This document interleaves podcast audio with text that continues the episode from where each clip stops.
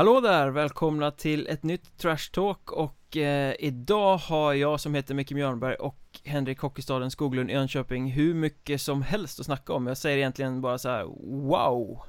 Eh, serieavslutningar som det slog gnister om, eh, playoff-val som var extremt spännande eh, Förkval som inte var lika spännande kanske, ett stort fiasko Det finns hur mycket som helst att snacka om, eller vad säger du?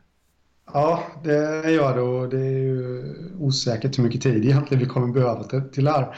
Vi får väl, eh, får väl hålla oss till ämnena helt enkelt kanske och sväva ut. För det, det, är, det finns ofantligt mycket att prata om. Eh. Och sen måste man ju säga att det är ju nu det börjar på allvar. Där playoffen och, och Hockeyettan-finalen och, och alltihopa. Då. Eh, det är ju höjdpunkten på säsongen. Ja, det känns ju som man har jobbat lite eh, under hösten med att ta sig igenom den här eh, serielunken eh, Lite transportsträckan som grundserien tyvärr är. Sen har det hettat till ganska mycket i alletterna får man väl ändå säga. Men jag håller med dig, nu är det framförallt de här sista omgångarna i serierna kan jag tycka att när allting ställs på sin spets när eh, varje mål blir viktigt så som det blev i sista omgången i, i eh, Aletta norra till exempel när liksom ett mål på en arena kan ändra förutsättningarna helt och hållet på en helt annan arena där andra lag slåss vid andra streck. Eh, sånt är ju helt fantastiskt. Det är det som gör hockey kul på något sätt.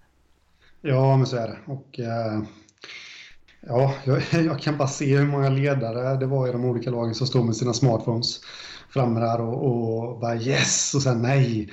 Och de fick eh, ja, ändrade förutsättningar hela tiden. Sen kanske de inte meddelade spelarna det självklart då, men, men tränarna kanske slets lite mellan hopp och förtvivlan. Eh, sen ska vi vara lite, om man får vara lite halvsarkastisk så de här resultaten i de sista omgångarna var ju faktiskt inte det enda som spelade in. Det hade ju även något i omgång två av norra allettan som spelade in också. Till slut. Men det kanske vi återkommer till. Det kommer vi garanterat komma till när vi ska summera upp hur det gick där egentligen Men en annan sak som eh, har varit ganska påtaglig så här i slutet av serierna är Att alla de här tomtarna som sitter och säger att straffar är lotteri eh, Har fått ganska mycket sina åsikter uppkörda i röven höll jag på att säga men det, det, har blivit ganska tydligt att så kan man inte resonera för att nu har det ju faktiskt varit flera matcher där straffar har avgjort hela säsongen för eh, för flera lag. Jag tänker då först och främst då på Tranås och Helsingborg som gjorde upp i södra vårserien om vilket lag som skulle ta sig vidare till playoffspelet i en direkt avgörande match och den gick hela vägen till straffar. Eh, då mm. kan man ju liksom inte säga mm. att det är lotteri på något sätt Då måste man ju vara bra, vara där, se till att vinna den matchen Vilket Tranås gjorde Fredrik Lindström rullade in den eh, avgörande straffen där och August Karlsson som för övrigt var bäst i matchen eh, Missade sista för Helsingborg, Tranås vidare vad, vad tänker du när du liksom ser ett avgörande att det blir på det sättet? Alltså, för det första så tycker väl jag att... Alltså det är ju raffinerat för oss åskådare givetvis är det raffinerat. Sen är det... Eh, jag tycker inte heller att straff är ett lotteri för jag anser att man kan träna sig till det men det, det är kanske lite mindre marginaler där eh, eh, än i det vanliga spelet om man säger så. Jag har ingen egentlig åsikt. Alltså jag, jag tycker att det är kul, självklart, att avgöra så. Eh, och sen är det väl ofta så att det är den förlorande sidan, dock inte i det här fallet vad jag har hört, men, men ofta är det så att den förlorande sidan tycker att det är förjävligt att det ska avgöras på straffar medan den vinnande sidan kanske inte tycker det just då. Nej, inget av fallen här tror jag faktiskt jag har hört någon eh, dra lotterikortet Vilket jag är väldigt, väldigt tacksam för För jag brukar mm. koka inombords och bli illröd mm. utombords eh, Så fort någon säger att straffar är lotteri Eh, men det kanske är så, folk börjar inse att det är en väldigt viktig del av spelet som man måste vara bra på. För sen eh, när eh, södra, eller södra, det är helt fel. Eh, Norra allettan avgjordes så stod det ju mellan Kalix och Östersund i botten Om vilka som skulle ta sista playoffplatsen och båda deras matcher gick till straffar. Ja men precis, straffar blir ju viktigt då. Eh, Så är det ju liksom och eh, eh, Det är inte så mycket mer att säga om det men det är raffinerat liksom att ja, vad var det nu, tre av fem matcher va? I sista omgången avgjordes på straffar. Ja, stra straffar och sadden i alla fall. Det blev väldigt mycket övertidsavgörande där i slutet. Eh, Fyra av fem till och med. Just det, Piteå och Huddinge där uh, avgjordes ju på övertid tror jag. Ja, precis. Eh, precis så var det.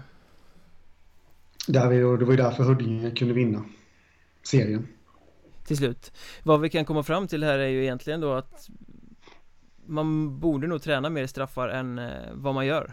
Eh, inte bara kasta in någon som är het med tanke på eh, hur viktigt det kan bli. Straffar kan avgöra en hel säsong. Då vill det nog till att man är riktigt bra på det. Ja, jo men så är det.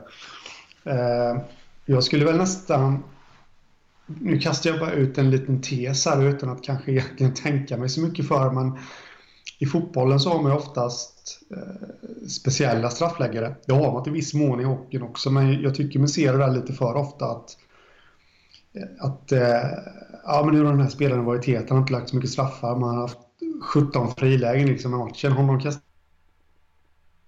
Medan man kanske ska fokusera lite på sin speciella straffläggare eller om man har två, tre stycken att välja mellan. Då. Eh, jag vet inte om det är rätt eller fel och det får väl våra lyssnare kanske bedöma. Jag, jag har ingen... Jag är lite tam idag känner jag, jag har inga åsikter.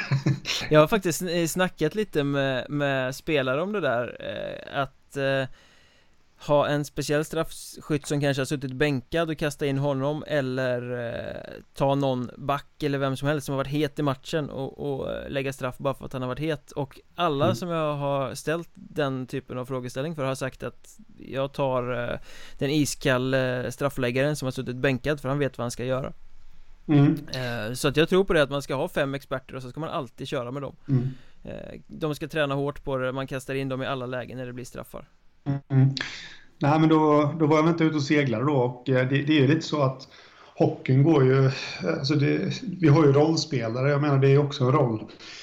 Många tränar på tekningar för att bli så bra som möjligt på tekningar och, och, det är självklart då att straffar, som också är en fast situation så att säga då, inom hockeyn, att det ska tränas på också. Sen tror jag att, att det görs det, men då kanske det är mer att eh, alla som vill får träna. Om du förstår vad jag menar. Ja, det är inte systematiskt på samma sätt Nej. som annan typ av träning sen, sen, tycker jag också att det var en ganska bra grej i ehm, eh, I Östersund när eh, Östersund hade bränt två, Visby hade bränt två, Visby hade satt en och det var en straff kvar och hela säsongen eh, hängde på den för Östersunds del. Att man då kastar in Nisse Bergström som är lagkapten, som är den mest rutinerade spelaren i laget. Att det är han som tar en sån straff, att säsongen mm. står och hänger med honom och, och, är det någon som ska missa den så är det ju han mm. På något sätt. Så ja, att inte någon, någon annan behöver ha nedlaget. Det tycker jag var, det var stort på något sätt att kaptenen klev fram och mm. tog straffen i det läget Jag vet inte om det var förutbestämt men det var liksom ett väldigt positivt symbolvärde i det Jo men ja, men på något sätt Så håller jag med dig Ja det är bäst att göra för att jag talar för det västa väldigt, väldigt klokt Så är det. Faktiskt. Eh, var tvungen att ta en, en liten slurk vatten här. Det var därför jag blev lite svarslös. Men eh, nej, men så är det. Absolut. Eh, många kloka ord som sägs i den här podden. Det brukar vara så. Men vad säger du i, i annars då om uh, upplösningen av norra allettan och, och, så som det blev? Att det blev liksom uh, bonuspoängsdrama för både Östersund och Kalix i botten och Huddinge och Visby i toppen eh, och att det i slutändan blev en målskillnadshistoria både om seriesegern mellan Huddinge och Visby som båda slutar på 38 poäng och mellan Kalix och Östersund som båda slutar på 19 Det var väl lite av den här spänningen som vi säger att vi älskar Ja men så är det, det var jättespännande och, och samtidigt där så måste man väl vara stor nog och erkänna att jag hade fel. Jag trodde ju faktiskt inte på det här scenariot i eh, i Alletton när de skulle utöka antalet lag från 8 till 10 i varje serie. Söder och norr, men eh, ja, i söder kanske det, det, där visade det sig stämma, men i norr så blev det ju riktigt jämnt och raffinerat. Eh, inte om man ser till hela tabellen, men i delar av tabellen då så, så gällde det någonting kring ja, i stort sett varje streck eh, till slutomgången och det, det är ju sånt som man bara älskar så att säga. Så att eh, det, det, som är så bra med det här systemet också det är att varje placering, det ska vi också återkomma till sen, varje placering eh, spelar ju roll också. Just med tanke på att eh, ja, lagen får välja vid senare tillfälle då, till playoff. Så att eh, det är klart att man vill ha så högt val som möjligt. Och då, då finns det ju någonting att spela om i slutomgångarna med, även fast man är klar för playoff så att säga. Och I normala fall kanske skulle ha kunnat vila lite spelare så, så måste man nu, eller måste, måste man inte, men, men man kanske är bäst i att ställa upp med bästa lagen då för att få en så bra placering som möjligt. Ja, det blev ju raffinerat för de allra flesta hela vägen in i i det berömda mm. kaklet. Det var i, i Söderserien som det kanske var några lag som eh, inte hade något att spela för i slutomgången. Det var väl eh, Kristianstad och Kumla egentligen. Lindlöven var också avhängda där eh, men, men, som du säger, de, de flesta strecken levde och eh, det är ju positivt. Ja, men så är det. Och eh, det är ju så vi vill ha det. Sen Sen vet inte jag eh, om det Alltså om det kommer vara något återkommande heller. Men jag kan väl säga som så här. Hade, jag trodde ju inte alls på den här idén att utöka allettorna. Jag får väl säga att jag hade halvt fel då i alla fall. För norra blev riktigt spännande och eh, att samtliga lagen var med på ett eller annat sätt. Men det är ju ingen som vet. Eh, även om det hade varit åtta lag så kanske det hade varit sjukt spännande ändå. Det vet vi liksom inte. Nej, det är ju bara hypoteser eller gissningar som man säger. Men, men eh, det diskuteras ju också, eller diskuterades, eller tycktes lite Jag har väl min åsikt ganska klar i den frågan att eh, nu när Huddinge vann den här serien på målskillnad före Visby eh, Så blev ju den här poängen från, som du var inne på precis i inledningen av podden Poängen från Domartabben i straffläggningen mot Väsby i omgång två blev ju faktiskt betydelsefull kan man säga I och med att eh, Huddinge fick med sig en poäng där som egentligen skulle ha gått till Väsby Ja, den blev riktigt betydelsefull och det var ju i eh, straffläggningen där som eh, Huddinge-Väsby som, eh, eller om det till och med var Väsby-Huddinge som, eh, som Väsby hade en puck inne va? Men ja, just det, den gick i stolpen, målvakt och in och domaren dömde bort det felaktigt. Och istället kunde Huddinge avgöra. Och den poängen blev ju, det ska ju inte få förekomma faktiskt.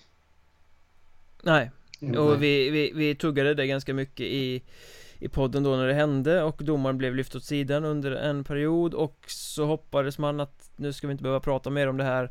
Men eh, tyvärr så är det ju bara att konstatera att den där poängen blev ju väldigt, väldigt eh, avgörande i slutändan. För hade det där domslutet inte blivit så monumentalt fel som det faktiskt blev så hade det varit Visby som eh, spelade Hockeyettan-final och inte Huddinge Mm, precis och eh Nej, det, det gör nästan bara ont bara man tänker på det. Uh, faktiskt. Uh, självklart tycker man ju synd om domaren också. Som, han har nog fått höra en del också de senaste dagarna och uh, det, det får man liksom säga att han inte har gjort det här med mening för att han ville vara elak utan det var bara ett eh, misstag. Men ändå ett misstag som jag anser inte ska få förekomma och det, det är beklagligt och det måste kännas enormt bittert för Visby som går miste om det här festen då som, som ja, man från ligahåll i alla fall försöker måla ut den här finalen till. Då. Finalen där man inte vinner någonting. man går till kvalserien. Uh, bara, men det, är det är surt för dem att de går miste om det. Och det ja, är väl... Och det, ja. Det, det smolkar ju eh, ganska mycket på något sätt kan jag tycka när det är en så jämn serie och det är sån strid hela vägen in i, eh, i kaklet liksom och det slutar med två lag som är två jättebra lag som gör upp och sen så är det liksom kan man ändå diskutera om det är ett felaktigt, väldigt felaktigt domslut som har avgjort hela serien eh, Det är mm. lite väldigt, väldigt tråkigt att det blir så Det hade varit roligare att bara kunna tänka och fokusera fantastiska hockeyinsatser av två riktigt bra lag Sen tycker inte jag att man ska ta bort något från, från, från Huddinge här för att jag menar eh, Huddinge är ett väldigt, väldigt bra lag som har gjort en väldigt, väldigt bra alletta och det är ett eh, värdigt finallag eh, Det är bara synd om mm. dem också att man kan lyfta den här diskussionen liksom för Det är klart att de har förtjänat att vara där på något sätt ändå även om mm. Om det så här det har varit Ja men så är det ju sen, sen måste jag bara just för eh, Visby också då, som eh, gå miste om i alla fall ja, en publikfest hade det ju kanske, kanske blivit då. Jag är inte helt säker, men mot Troja, det, det, är ändå ett lag som kanske kittlar lite mer än det laget de kommer nu få ta sig an i, i playoff 2 blir det va? Eh, det blir det. Vilka de nu väljer och det... Ja, Troja kanske hade varit det bästa motståndaren för att locka publik. Eh, men ett litet, ett litet, litet sidospår där som, som man ska ha i åtanke. Nu var det ett misstag från domaren som avgjorde den här serien. Och jag har faktiskt hört spelare uttala sig om, om det där att en förlust i september, oktober eller i omgång två och tre, den, den svider inte så mycket. Alltså man, man kanske inte alltid drar lärdom av den för att ja, men det är långt kvar av serien och vi hinner reparera det här. Men det, vi, man måste liksom lära sig att, att de här poängen också är viktiga. Eh, ja, det var bara ett litet instick. Jag ville komma med det. Ja, alla poäng räknas ju lika mycket även om det är så här mm. i slutet som det ställs på sin spets Jo, men så är det det ser, det ser man ju också, de riktigt bra lagen tar ju poäng hela vägen Titta på Troja liksom, har de haft en dipp på hela eh, säsongen? I någon match liksom, mm. de, de, riktigt bra lagen, de tar ju alla poängen precis hela tiden mm. Eh, apropå eh, en annan när vi ändå pratar norra serien och bra grejer eh, Och då tänker jag inte på bra lag utan på bra spelare på Fredrik Forsberg eh, i mm. Väsby så blir jag lite förbannad på honom faktiskt mm. Han hade världens bästa statistik Han hade inför sista matchen mot Haninge borta skjutit 16 mål och gjort 0 assist mm. Det är så snyggt att ha det i tabellen liksom. Jag har gjort 16 mål, inte passat i ett enda. Det är så mm. grymt. Han gjorde ett mål till i, i den här matchen mot Haninge Men Gjorde ett assistpoäng i, i den här sista matchen så han pajade hela den där snygga statistiken. Det hade kunnat vara 17 plus 0, nu är det 17 plus 1 Ja, jag, har också han, han, han, fick, han fick en assist och passade fram till 4-2 målet där som Felix Fjälkeborn gjorde.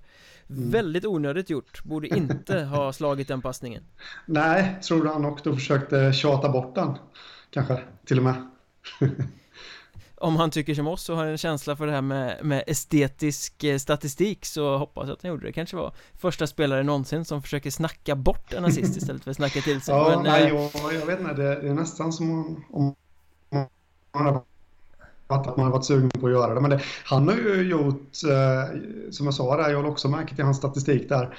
Eh, och eh, i grundserien, alltså innan jul, så gjorde han tre mål och sju assist tror jag. Om jag räknar rätt. Och det är ju såklart inte dåligt, men det är absolut inte på den här nivån som han har presterat i allettan. Så där, där kan man ju snacka om lite genombrott. Ja, verkligen. Och, och eh, pricken över i hade varit 17 plus 0. ja, precis. Han, han, får inte sitt definitiva genombrott förrän han gör en sån säsong, menar du? Nej, precis. Det här, nu drar vi ett streck över det här, glömmer det och så är det bara att börja om på nytt nästa säsong. jo, men så är det ju. Ja, men det, det, det, jag håller med dig. Det är kul med sån statistik. Jag vet Daniel Wallin, en gammal hockeyspelare som har spelat i Rögle och Oskarshamn. Han är från HV71 från början. Han spelade i Nordsjälland Kobras i eh, Danmark och han hade, jag vågar inte ens säga siffrorna för jag, jag kommer säkert ha fel, men någonting typ som 27 mål och 2 assist. Uh, ja, kanske när säsongen nästan var färdigspelad där. Och det, det, är också en resultatrad. Visst, två, de två assisten förstör ju det, men det, det var säkert så Trotta andra assist också som pajade allting. ja, men lite så. Nej, men det, det är fantastiskt, fantastiskt med sådana saker faktiskt. Tycker jag. Men du, vi, vi eh, snackar en hel del om upplösningen på norra allettan här eh, med all rätt med tanke på hur spännande den var och eh, man kan ju inte snacka om den utan att fördjupa sig lite i Östersund som alltså förlorade på straffar 2-3 hemma mot Visby och därmed missar playoff Alltså Östersund med sin vassa, riktigt imponerande trupp lyckas inte komma bland åtta lag av tio som får spela vidare efter serien Monumentalt storartat fiasko, eller vad säger du?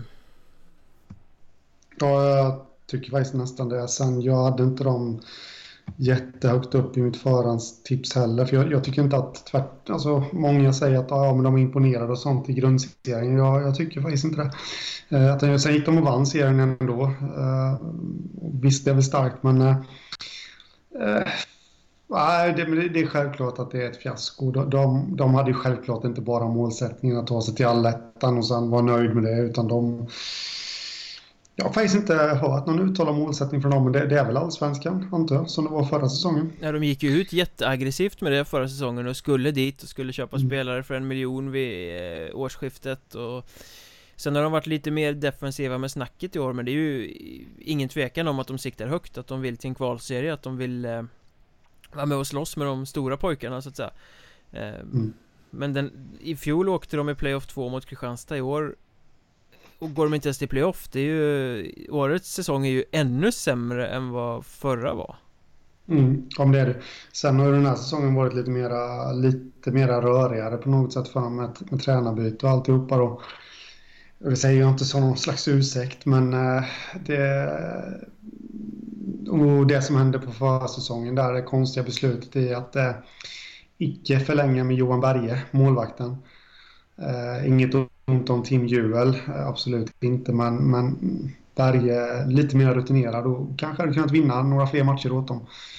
Även fast spelet inte hade kuggat i. Eh, eh spekulationer, spekulationer, men de, jag får för mig att det kanske var lite ojämn prestation i laget också. Om man kollar poängligan så hade de tre killar som var 40 poäng eller mer. Eh, och sen var nästa kille Nisse Bergström som i och för sig missade en del matcher. 31 poäng. Jag missade ja, några matcher där. Eh, 27-25. Lite ojämnt. Det kan ha varit det också att det var för få som gjorde för mycket. Ja men hela Östersund har ju varit väldigt ojämnt på det sättet att ibland har de spelat bländande jättesnygg hockey och ibland har de bara varit totalt vedervärdigt usla och försvar som har rämnat och de har släppt in billiga mål och inte alls försvarat sig ordentligt Framförallt här i allettan då. Um, Jag vet inte riktigt om, om jag får lite känslan att du pratade om de här stora eh, besluten Om vi kallar dem det, de valde bort Berge för att bara satsa på Juel. De valde att sparka Lars Molin trots att spelet såg ganska bra ut. Att mm. det är stora beslut som man kanske har varit lite ivriga att få göra för stora grejer utan att riktigt ha koll på vad som händer och att det är någonting som har smittat av sig på laget också Att laget kanske, ja, det... att klubben mm. ser sig som en större klubb än vad man i själva verket är och, och är lite mer storspelare och att Laget kanske tror sig för mer också att eh, på det sättet har inte riktigt funkat för de har ju varit rätt dåliga mot vad som ska vara sämre motstånd i allettan mm. Ja precis. och, och varit lite bättre mot de lagen som ska vara bra liksom. Så att den är ju svår Svåranalyserad.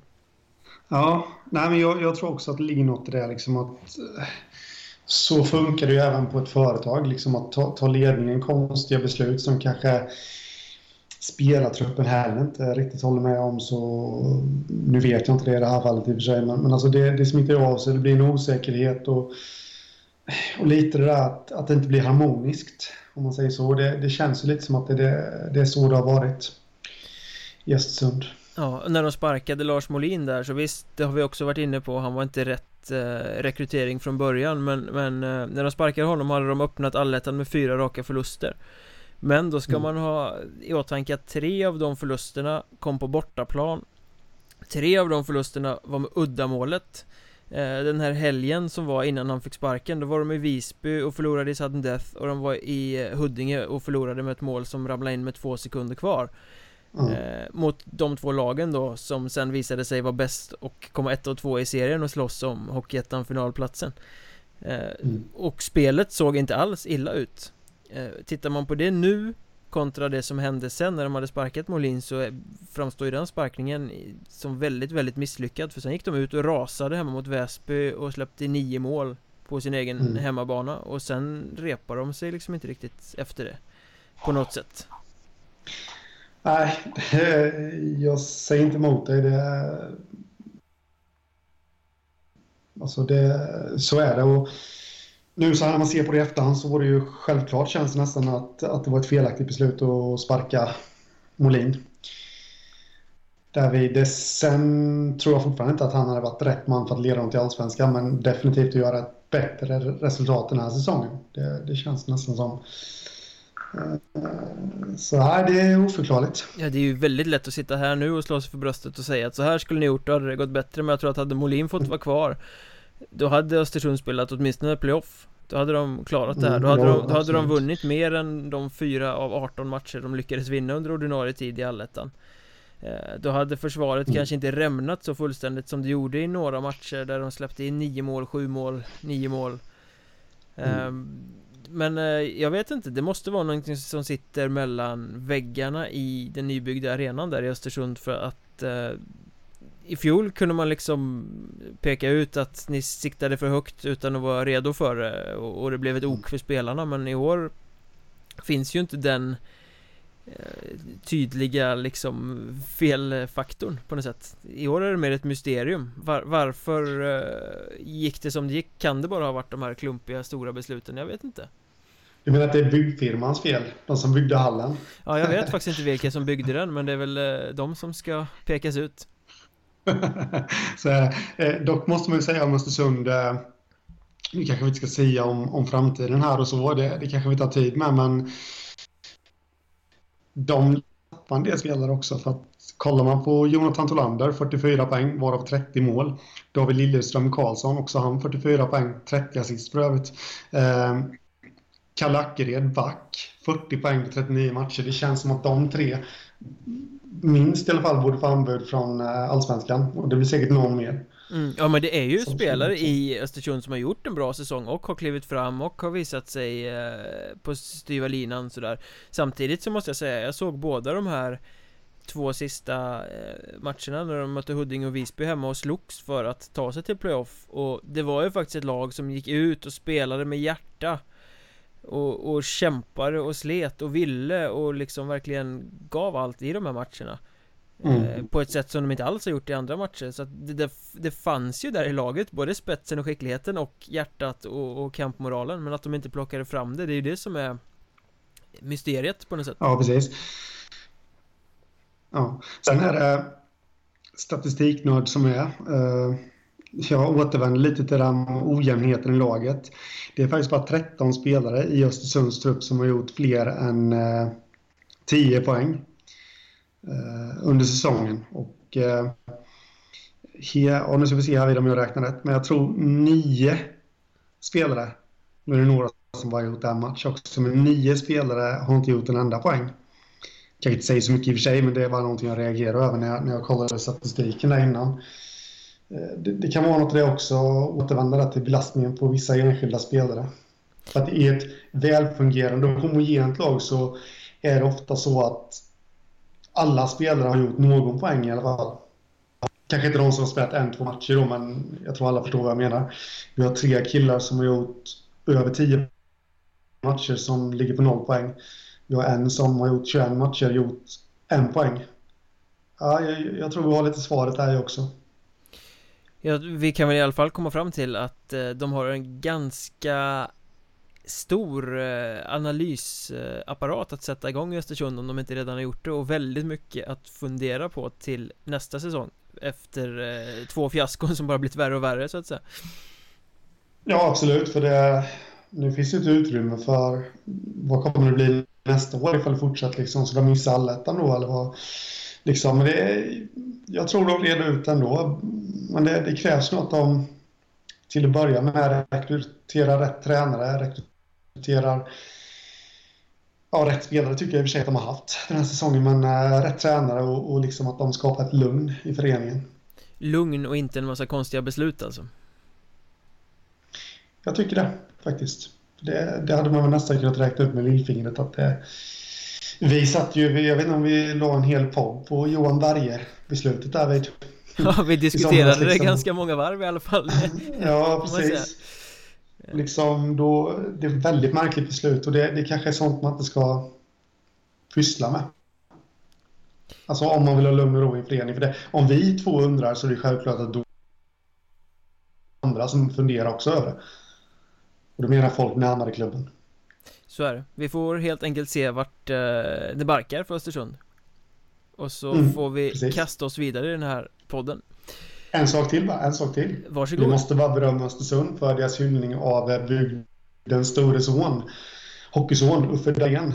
Han eh, firades ju där inför en match. Ja, ja, ja. hans tröja till och med va? Ja det gjorde de, det, det var så, det var så mm. sjukt skönt också för det kom ut kommunalrådet där eh, på isen och, och Eh, skulle hylla honom och höll något tal, jag vet inte vad hon sa riktigt, det spelar väl inte så stor roll och sen så sk skulle han ge honom en present och bara Här får du en yllepläd i en plastpåse som hivade över Jag tycker det var så fantastiskt liksom Skärmen i att det behöver inte vara så fancy pansy Det behöver inte vara så jävla konstlat och fint och, och tillgjort utan eh, Vi är, bor i Norrland, här får du en yllepläd i en plastpåse. Skitbra, du är bäst Ulf Dahlén, tjohej. Eh, Älskar det Nej, men vi, vi har pratat om det innan också, att det hylla sina gamla hjältar. Liksom. Och det var säkert no några fler åskådare som kom till hallen den dagen bara för att se Uffe Dahlén liksom, med, med, med, med VM-guld och allt vad han har vunnit nu genom karriären. Så att, äh, äh, all heder. Jag tror det var gratis inträde just den matchen också faktiskt. Mm. Apropå publikmatcher, vi kastade oss vidare och eh, förkval passerade Tranås slog ut Grästorp med 2-0 i matcher och Örnsköldsvik slog ut Sollentuna med 2-0 i matcher. Ehm, Jag kan känna att eh, de var inte särskilt upphetsande de här förkvalen. Jag gick inte igång någonting på det faktiskt om jag ska vara helt ärlig. Kanske berodde på att eh, stekhet streckkamp i allettan pågick samtidigt men de passerade i skymundan och det kändes inte särskilt hett överhuvudtaget. Nej, och sen blev det ingen spänning heller uh, i det på något sätt. Men att 4-1, 4-1 till, eh, till uh, Örnsköldsvik mot Sollentuna och uh, 4-1 och 1-0 tror jag till Tranås mot Grästorp. Och det, det är liksom, de två var de bättre lagen. Men, uh, så jag håller med dig till punkt och pricka. Det, det var ingenting som direkt var en pulshöjare här hemma i Månsarp heller för mig. Men, men samtidigt så måste jag väl säga att det är rätt ändå. Eh, vår måste ha någonting att spela för uppåt också, men jag tycker inte att de ska gå till playoff. Har de missat allettan så ska de inte gå till playoff. Då, då kan de få nöja sig med ett förkval och eh, att två lag därifrån går till playoff. Men det, det kan ju vara en annan diskussion, men jag jag tror alla förstår lite vad jag menar. Det kanske inte ska vara någon fest heller. Eh, jag vet inte om Så det var... lite krasst. Ja, men jag vet inte om det egentligen var själva eh, kvalsteget i sig det var fel på. Det kanske bara var så att det var ganska ointressanta lag som spelade matcherna. Så kan det också varit att man liksom... Ah, det var ingen, det hade varit mer liksom fest ifall det var Kristianstad eller något som hade floppat jättemycket i grundserien och tvingats ta vår serievägen eh, Och hamnat i mm, kvalet kanske, det kan ju vara, jag menar Man ska inte tala illa om, om lag men det är inte så att Sollentuna och Örnsköldsvik säljer massa biljetter Nej, så är det och eh, det beror ju helt och hållet på vilka lag det är. Självklart. Eh, det, det, finns väl inte jättemånga lag som spelar i vår serie i NHL som, som hade lockat större massor. Tranås har ju ett bra följe.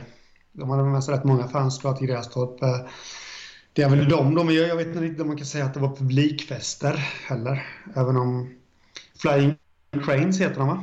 Ja, jag tror det. Supporterklack där med, med Lingmert i spetsen. Den de, inhoppade målvakten. De som finns uh, på bortaplan men inte på hemmaplan. Ja, uh, lite elakt där. Uh, nej men alltså de... Det var väl i sådana fall de, men, men det är precis som du säger, Grästorp kanske inte lockar de stora massorna och det gör ju inte Tranås heller. Ska vi vara ärliga och säga, men de har i alla fall ett följe. Eh, och Örnsköldsvik och Sollentuna lockar inte heller direkt de stora massorna. Så att, eh, det var väl kanske fel lag för att skapa en liten fest. Jag menar, hade Skövde bommat allettan och vunnit den västra serien så hade det ju kanske varit lite mera Ja, då hade det ju varit tusen pers där i alla fall. Mm, ifall de hade mött Tranås, exempelvis. Till exempel, då hade det nog varit mer, då hade det nog varit 1 och 5. Eh, mm. De brukar locka rätt mycket lag tillsammans, eller rätt mycket folk tillsammans de där lagen ska jag säga eh, Vad tror du om, vi, vi har varit inne och eh, när vi snackade om eh, Huddinge så var vi inne på att de till slut tog sig till den här eh, finalen vad, vad, tror vi om eh, Vi ska väl inte snacka så jättemycket om det idag, det kan vi ta nästa vecka när finalen ska dra igång Men att det blir Troja och Huddinge i final, vad Vad tänker du om det? Ja, vi var inne på det i förra podden alla redan att eh, det var ju en liten önskefinal som vi ville se. Eh, för det första två klassiska lag. Eh, jag, jag tror att det, två, det, det, kan bli underhållande faktiskt. Ja, det lär ju bli åka av det. Två lag som kan spela bra offensiv hockey. Mm. Så att, nej men det, det, är väl det jag tror. Sen ska vi kanske inte tippa den eh, finalen idag. Så att jag lämnar det därhän, men jag, jag är rätt säker på hur det kommer sluta. Ja, Troja är ju en maskin som Huddinge måste ha sin allra bästa dag och vara grymt effektiva för att kunna eh, kämpa ner Framförallt när man ska göra det två gånger eh, mm. Troja är Hockeyettans bästa lag Jag skulle säga att det är 80-20 i Trojas favör att de vinner eh, finalen Ja, något sånt 85-15 säger jag då bara för att vara lite bara för att vara ännu spetsigare, ja, ja. Du, du kan få vara det för den här gången så. Eh, Men, men eh, vi, kan, vi kan ju nöja oss med att konstatera att det blir en, en jäkligt kul final mellan två väldigt intressanta lag och så kastar vi oss på att tippa den Nästa vecka när det börjar närma sig och eh, pulsen har börjat eh, höjas lite mer och sådär kring den eh, blir kul att se ifall det blir någon Ljungby-invasion av supportrar i eh, Björkängshallen Jag tror nästan inte det, det är en torsdag liksom så att det kan bli lite svårt. Eh, Men vi släpper det. Eh, Kristianstad, Visby, Mariestad, Sundsvall klara för playoff 2 eh, Jag vill bara påpeka det att jag är en ganska medioker tippare men lyckades tippa ettan, tvåan och trean i södra allettan. Helt korrekt. Precis på samma Grattis. sätt som att jag tippade både Troja och Huddinge som seriesegrare Jag är fantastisk Grattis Som sagt, det var starkt jobbat Eh, jag kommer faktiskt inte ihåg vad jag tippade om jag ska uppträda lite förvirrat härvid. Eh, men jag får väl återkomma när jag har bläddrat igenom mina papper här hemma. Och se. Men jag, hade väl något liknande, men jag är lite osäker på om jag hade Huddinge som segrare. Det tror jag inte att jag hade i den norra serien. Nu när jag har varit så här extremt ödmjuk också så ska jag väl eh, Bara för att det ska föras till protokollet så att ingen tror att jag är en eh, självgod jävel Det är jag väl i och för sig Men inte så jävla självgod. Eh, Jag bommade ganska ordentligt på Nybro och Hudiksvall Som var båda två tippare nere på nionde plats Så Det får jag väl säga att där var jag rätt Bedrövlig faktiskt I de tipsen. Men Allting fram hit har väl egentligen varit en eh, transportsträcka. Jag vet att ni är många som eh, sitter som på nålar för att få höra vad vi tänker om det som ägde rum i eh, går lunch. Valprocessen för ehm, eh, Playoff 1 Väldigt spännande. Lagen fick eh, som en ny twist på eh, Hockeyettan i år Välja sitt motstånd i Playoff 1 Och vi körde en liten poll på Twitter på Twitterkontot att Mjörnbergpodd poddens eget Twitterkonto som ni givetvis ska följa om ni vill ha lite extra material och bonusgrejer. 84% tyckte i alla fall där att det var bra det här med, med valförfarandet Att man får välja istället för att det lottas. Att det gör att det blir lite hetare, sätter lite extra spets på det hela och eh, jag är ju väldigt, väldigt eh, beredd att hålla med där. Att jag tycker att det var grymt kul med den här eh, valproceduren som direkt sändes via Hockeyettans hemsida då var du bland de 84 eh, procenten som röstade. Jag tillhörde i allra högsta grad de 84 procenten som sa woho! Det här är mm. bra grejer, bra skit.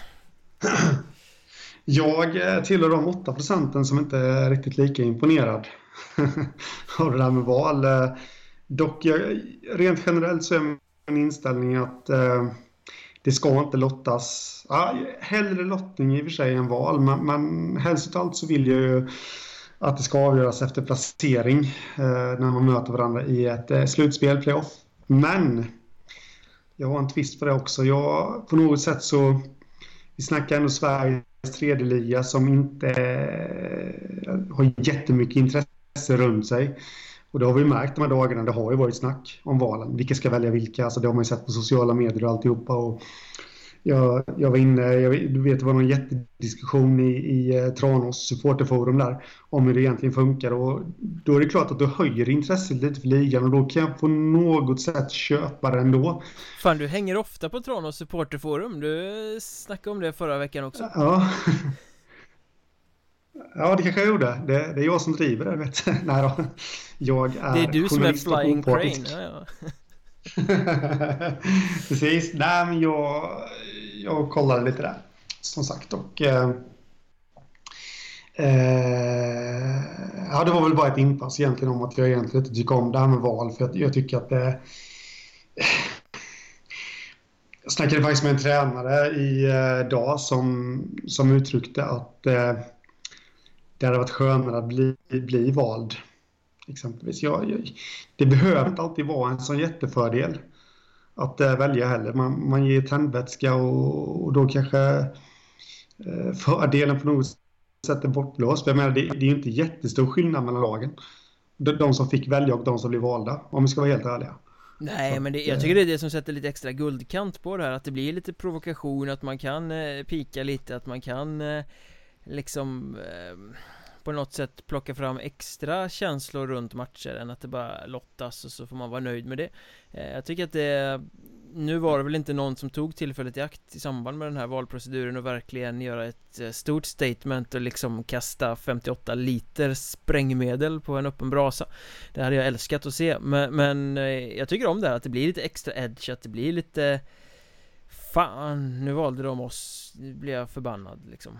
Ja, väntar du bara till Fredrik Mellberg kommer in i valproceduren? det kan bli kul. Frågan är, ja, Playoff 3 va? bli... Ja.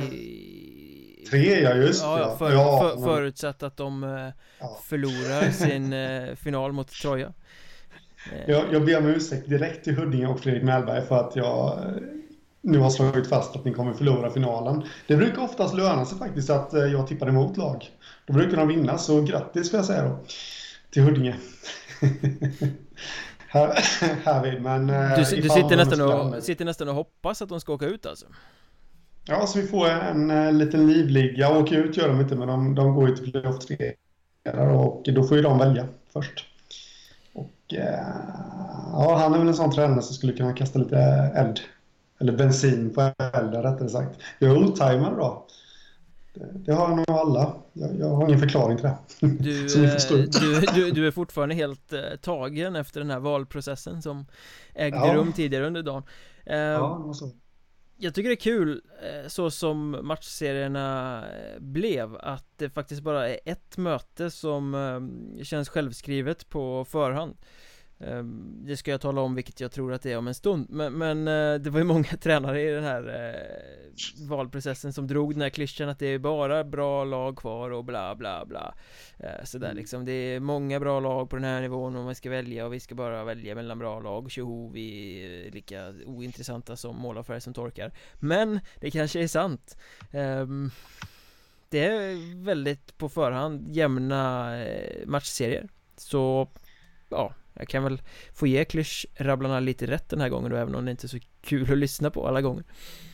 Jag, säga, jag, jag tycker faktiskt det är fantastiskt och visst, eh, vilket på sitt sätt kommer höja intresset också tror jag. Runt det här, inte nog med valen, lägg märke till nu att jag gillar egentligen inte valen, men, men just det här fallet när, när det handlar om en, om en liga som, som slåss lite mot eh, dåliga publiksiffror så tycker jag faktiskt att det passar helt rätt för att skapa ett extra intresse och när man dessutom får de här ovissa matchserierna som egentligen kan gå exakt hur som helst. Det känns som man får dra lott. Jag är väl också inne på att det kan vara en som kanske är lite avgjord på förhand men resten känns extremt ovisst. Ehm, så eh, ja, jag tror att hade jag varit tränare så hade jag slängt mig med rätt många klyschor, jag med. Det hade inte jag för jag är inte riktigt lagd åt det hållet Kan jag säga mm. och, och, tycker ni att Henriks ljud eh, bucklar sig lite så beror det på att eh, internetkommunikation inte riktigt är uppfunnet i Jönköping än och det är därför han, han sitter på en lite halvknagglig lina idag Jag bor i Månsarp det, det, det, det, säger liksom allt Allt, precis allt säger mm. Mm. Men eh, vi gör oss på det här då Väsby var högst rankat i den här eh, valproceduren och fick välja först mellan eh, de som stod till buds att välja var Tranås, Skövde, Örnsköldsvik, Borlänge, Kalix och Asplöven. Och mm. det hade spekulerats vild, vilt kring eh, vilka de skulle välja. Och alla var väl på det klara med att de inte skulle välja något Norrlandslag för att slippa den resan och den tidsförlusten som det blir att resa dit. De valde Tranås i slutändan Eh, jag hade nog nästan faktiskt trott att de skulle välja Borlänge lite för att det är lite närmare och att man kanske har lite respekt för, för Tranås ehm, Med tanke på att de har klarat sig vidare med kniven mot strupen, tagit sig vidare Kommer från en södserie som var tuff eh, och så vidare och så vidare Men man valde Tranås och eh, vad tänker du om det? Helt rätt jag var inne faktiskt på att de skulle välja Tranås just med tanke på att Även jag tänkte ju att det, det förmodligen stod då mellan eh, Borlänge, Tranås och Skövde för Väsbys del. Eh, och eh, det är smidigare resa ner till Tranås. Det är E4 nästan hela, nästan hela vägen. Så svänger man väl av i Mjölby. Om vi ska köra lite geografi där så är det några mil. Betänk, eh, bet, betänk dock att de ska resa från norra delen av Stockholm och riskerar att fastna på eh, helvetets eh, påfund Essingeleden eh, på vägen. Ja, det skulle, det skulle ju vara det i så fall, men de, de får se till att åka i god tid. Tranås är en fin stad, så, så kommer de dit för tidigt så kan de gå till Stadshotellet kanske. Om de, åker, om de åker den vägen, även de kanske har någon superväg de kan åka Jag vet faktiskt inte riktigt hur de bussar sig men eh,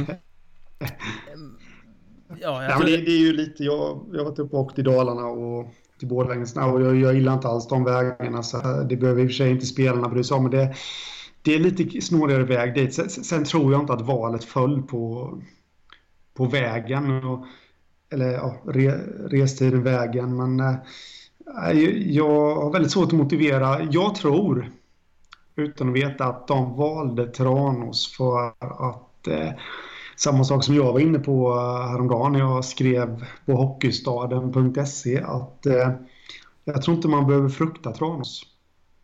Faktiskt. Eh, Väsby har gjort en fantastisk säsong och det känns som att de fortfarande har lite hunger i sig.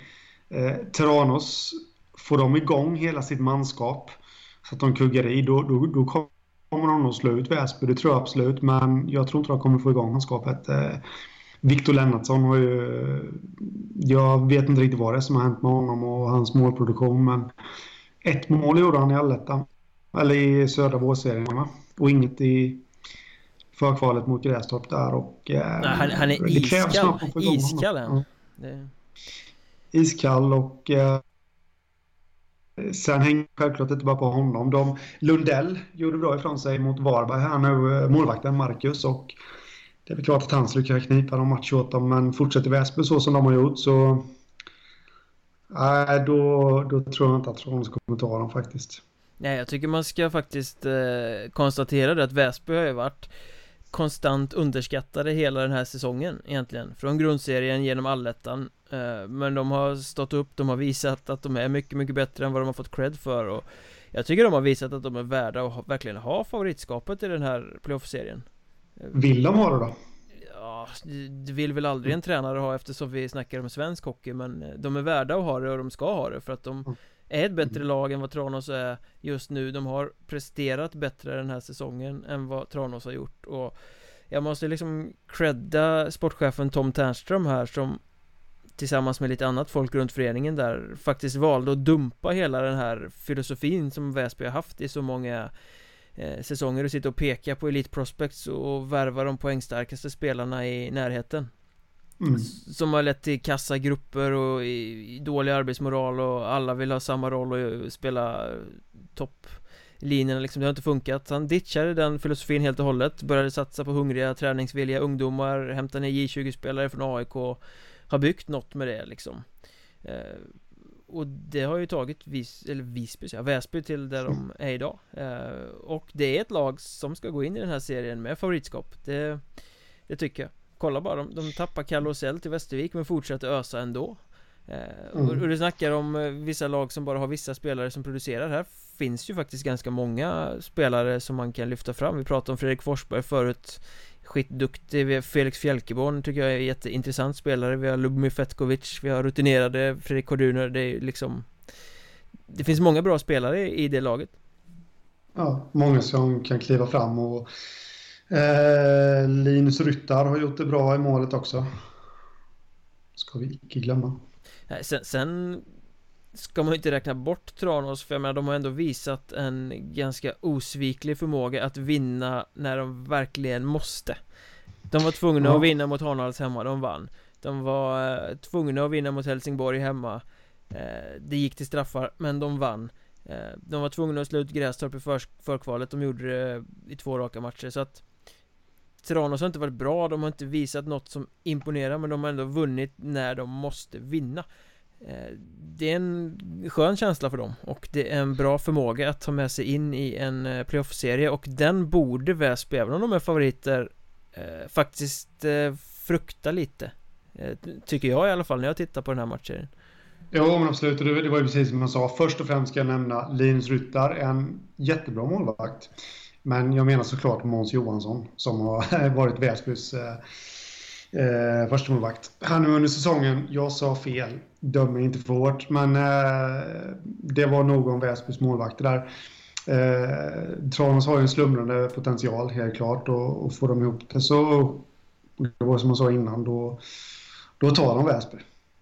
Det tror jag för att på pappret så har Tranås ett betydligt mycket starkare lag. Eh, och de ska Även fast Väsby har överpresterat så... eh, Eller ja, överpresterat låter nästan som ett negativt ord, men jag tror alla förstår vad jag menar. Eh, men ändå ska Tranås ta dem för de... Ja, de har starkare lag på pappret helt enkelt. Dessutom har ju Tranås ett hemligt vapen har jag läst i Tranås tidning Jaså? De ska skaffa information och studera sin kommande motståndare Jaha. Vad trevligt. Ska de spionera alltså? Ja, det har inget hockeylag gjort någon gång eh, i historien någonsin Jag tyckte Ja. den var ganska rolig den rubriken Här är Tranås hemliga vapen Jaha, ni, ni ska förbereda er för playoff-match Det var ju Ja. Det var ju Challe Franzéns bror skulle gå ner och titta på någon träning eller vad det var var Riktigt eh, Tror han blir insläppt då? Ja, riktigt hård valuta där alltså Det står någon Någon eh, biffig eh, vilda Väsby supporter och blockar entrén där Ja, det, jag vet inte hur det är nu, men det, det, det var en hel del vilda grabbar som, som var med i en eh, viss firma för några år sedan fall, som var från Väsby. Har jag läst i en bok, det är ingenting jag vet själv. Så eh, de kanske har potential att vakta hallen. Nej, nu raljerar jag självklart. Jag har ingen aning om det. Men, eh, nej, men det, det är klart att det, det är lite osvikande det där att, eh, att spionera mot sina motståndare, något som aldrig har hänt förut. Nej, precis eh, Vi snackar i alla fall två eh, offensivt lagda lag eh, Där Väsby väl har varit det laget som har producerat mer konstant under säsongen eh, Och ska vi tippa det här så tror jag att eh, det är Väsby som drar det längsta strået Jag tror Väsby vinner med 2-1 i matcher Jag tänker inte ge mig in på typ att tippa var segrarna kommer eh, Det kan mycket väl bli så att Väsby vinner den borta Tranås vinner den i Väsby eller att Tranås vinner i sin hemma och Väsby sen två raka i Vilundahallen Men eh, Väsby tar det här med 2-1 Ja. Väsby tar det. Det är jag helt övertygad om. Eh, jag vill nog till och med klämma till med att de tar det med 2-0 i matcher. Jag tror det. Jag, jag tror de åker ner till Tranås och kniper en seger där. Då. De har varit starka på bortaplan också. Med, de har varit uppe i Norrland och plockat massvis med, med poäng. Här nu i allettan så... Och så vinner de av bara farten. Hemma i Vilundaparkens ishall. Näst på tur då eh, Vimmerby var de som fick välja efter eh, Väsby och vi hoppades väl nästan lite alla till mans att Tranås skulle finnas kvar på tavlan och att eh, Vimmerby skulle våga välja eh, Tranås eh, för att få de här heta derbyna och duster som eh, man skulle kunna skriva spaltmeter om men Tranås valdes av Väsby och eh, ah, vad tror du Vimmerby hade väl aldrig vågat välja Tranås ändå va? Nej, jag tror faktiskt inte det heller. För det, det är verkligen... Vimmerby har ju kommit igång här nu efter eh, tränarsparkningen av eh, Jeff Hellegård och eh, Erik Karlsson kom in där på tränarbänken. Och, eh, men är det någon match de skulle å- kunna åka dit i eh, så är det mot Tranås. Det, det är derby trots att det skiljer en hel del eh, mil mellan orterna så är, finns det en rivalitet och eh, det, det känns som att Tranås hade kunnat vakna till utan en sån sak också. Bli valda av antagonisten liksom. Eh, så jag tror faktiskt inte Vimmerby hade vågat det. Eh, och det hade varit helt smart utav dem också att inte göra det. Ja, det, hade ju, det, var Där ju, hade risken varit väldigt, väldigt stor. det var ju två riktigt heta matcher i grundserien där eh, Tranås vann på straffar hemma eh, sen var nere och vann med 6-2 eller något sånt där Nere i Vimmerby mm. när eh, allting skulle avgöras inför allettan så att Att Vimmerby aktade sig för Tranås eh, Det var nog ganska givet och nu när Väsby valde Tranås så slapp Vimmerby framstå som fega också eh, Så de eh, jublade nog lite där ja. Eh, innan de ringde in till studion och sa att vi väljer Skövde mm. Och det var väl det mest givna valet de kunde göra. De har alldeles för stor respekt för Borlänge för att våga välja dem. Och de vill inte åka till Norrland. Eh, Och då fanns det bara ett lag kvar och det var eh, Skövde.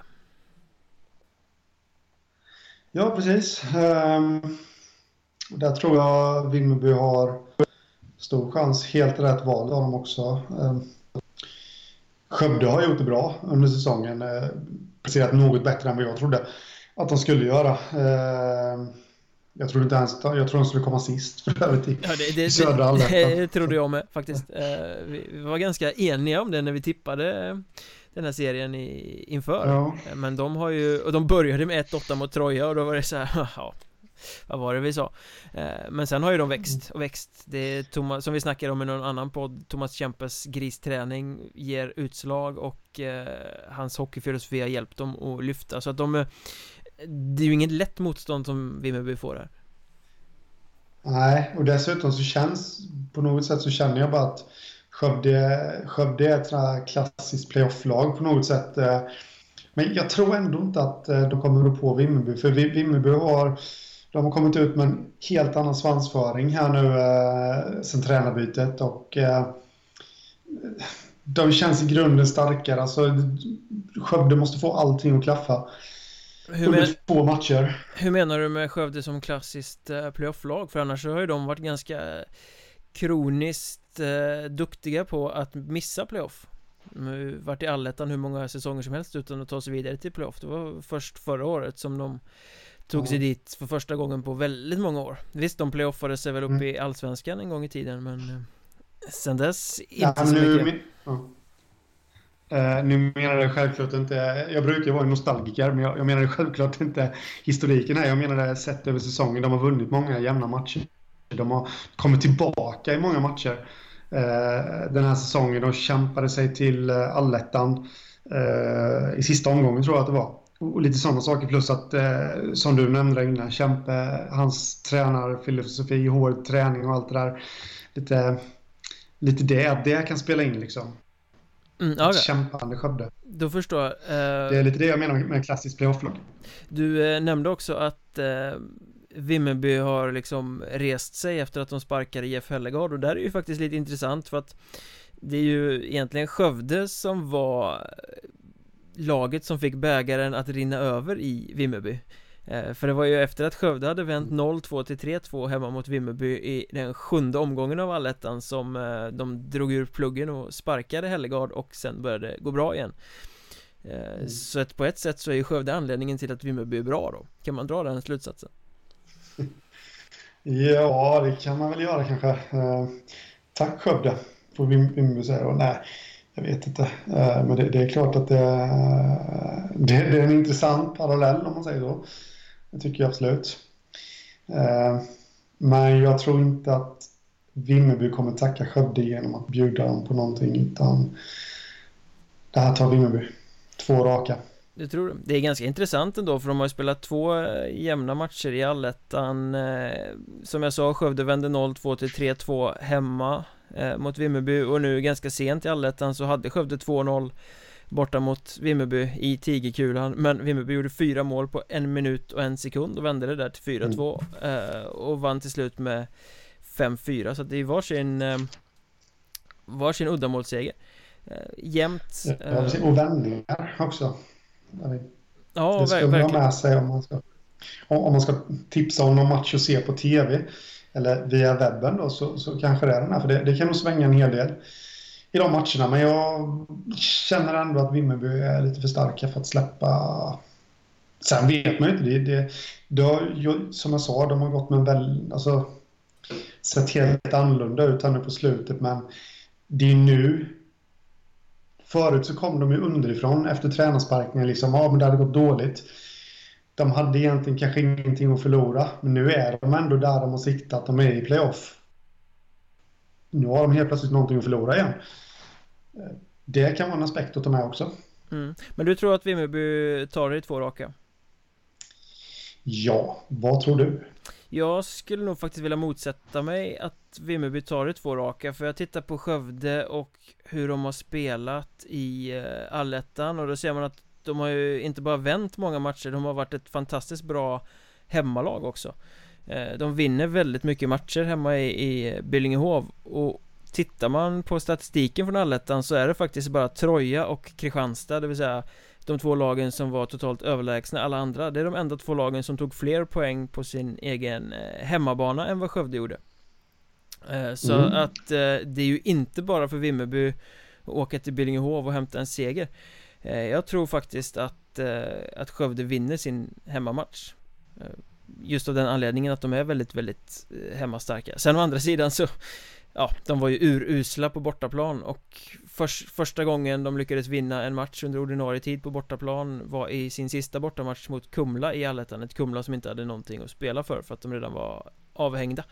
Så mm. ähm, Ja, i, i Vimmerby tror jag inte de har mycket att hämta. Så jag tror att Vimmerby vinner serien med 2-1 Men jag tror faktiskt att äh, Skövde vinner hemmamatchen. De måste vinna hemmamatchen Annars är de ju helt äh, kokta För två matcher i Vimmerby, det vinner de aldrig Nej, det är lite intressant ändå eh, det du säger där för att eh, Vim, jag var ju lite inne på det att Vimmerby, nu har de helt plötsligt någonting att förlora för det är ju ingen, om man ser på förhand på säsongen så det är ingen som kommer vara nöjd med att Vimmerby åker ut i playoff 1. De ska lite längre den här säsongen. Torskar de då första matchen mot Skövde, vad händer då? Det är lite intressant att tänka på faktiskt. Även nu fast jag tror att de tar det i två raka så... Framförallt då ja. som det är de som har valt motståndet. mm, precis. Då kommer de tankarna börja smygas in också. Nu... Eh, nu vet inte jag hur pass delaktiga lagen, alltså lagmedlemmarna, spelarna har fått vara i valen men... Eh, men det är klart att det börjar smygas in i huvudena på dem här kanske. Oj, valde vi fel? Mycket väl kan det bli så. I Skövdes fall så är det ju dock så att eh, De är väldigt, väldigt tungt beroende av att eh, linan med Carl-Johan Sjögren, Thomas Wallgren och eh, Oskar Back Att de producerar, för det är de som har burit laget i allettan. Det är de som har varit liksom eh, the leading line, verkligen the leading line. Eh, mm. De måste göra det, Vimmerby har lite fler eh, spets och hot offensivt som de kan plocka fram. Eh, så de är inte riktigt Där kan ju någon sjunka genom isen och inte palla mentalt Men det finns ändå andra som kan bära skeppet. Medan i Skövde mm. så är det några få spelare som Måste vara bra så att säga. Men eh, mm. Det är som du säger, jag tror faktiskt att jag kommer välja den här matchen om jag ska se någon på eh, webbsändning på torsdag För det känns som att den kan bli väldigt intressant. Jag tror det kan bli bra hockey mellan dem faktiskt Mm, det tror jag med. Då har vi sagt vad vi tänker om den drabbningen eh, och då var det Piteå som eh, var näst på tur. Ett Piteå som hade då att välja på Örnsköldsvik, Borlänge, Kalix och Asplöven. Och både du och jag trodde på förhand att de skulle välja Kalix för att det är ett lag som de har plus mm. på ett lag som ligger ganska nära. Eh, Men Jonathan Glader, eh, klubbchefen där uppe, sportchefen Han eh, konstaterade att E4 är bra plogad söderut och valde Örnsköldsvik Ja, Lite överraskande äh, ändå. Äh, tycker jag. jag. Jag tror de liksom skulle välja det, det kortaste alternativet. Äh, Kalix där då, 12 mil tror jag att det, det skiljer mellan orterna. Men, äh, men, och i Norrland är inte det någonting. Eh, men eh, de valde Örnsköldsvik och det är ja, ett lite spännande val det med. De, de har ju, jag tror de vann två matcher mot dem va? Innan jul. I grundserien ja, ja precis. Ja, två möjliga. Ja. Ja, grundserien. Eh, så de behöver kanske inte riktigt rä rädas de heller och eh, ja, Örnsköldsvik lekte ju hem den eh, norra vårserien men det är ändå stor skillnad mellan lagen så att, ja. Ja, och Örnsköldsvik hade ja. inga som helst problem att kicka ut Sollentuna med 4-1, 4-1 i, i förkvalet så att Örnsköldsvik kommer ju med en god trend efter att bara ha vunnit och vunnit och vunnit men eh, jag förstår ändå Piteå eh, Där sitter man ju uppenbarligen och tänker att man har gjort ett val av en Väldigt enkel motståndare, eller väldigt enkel, det skulle ingen säga men det är klart att de tänker det att fan Östersund, eller Östersund, Örnsköldsvik är ett lag som vi ska bara dänga ut, piska i stjärten och skicka på sommarlov 2-0 mm. i matcher Det är exakt vad de tänker i Piteå eh, Annars mm. skulle de ha valt Kalix Ja, eh,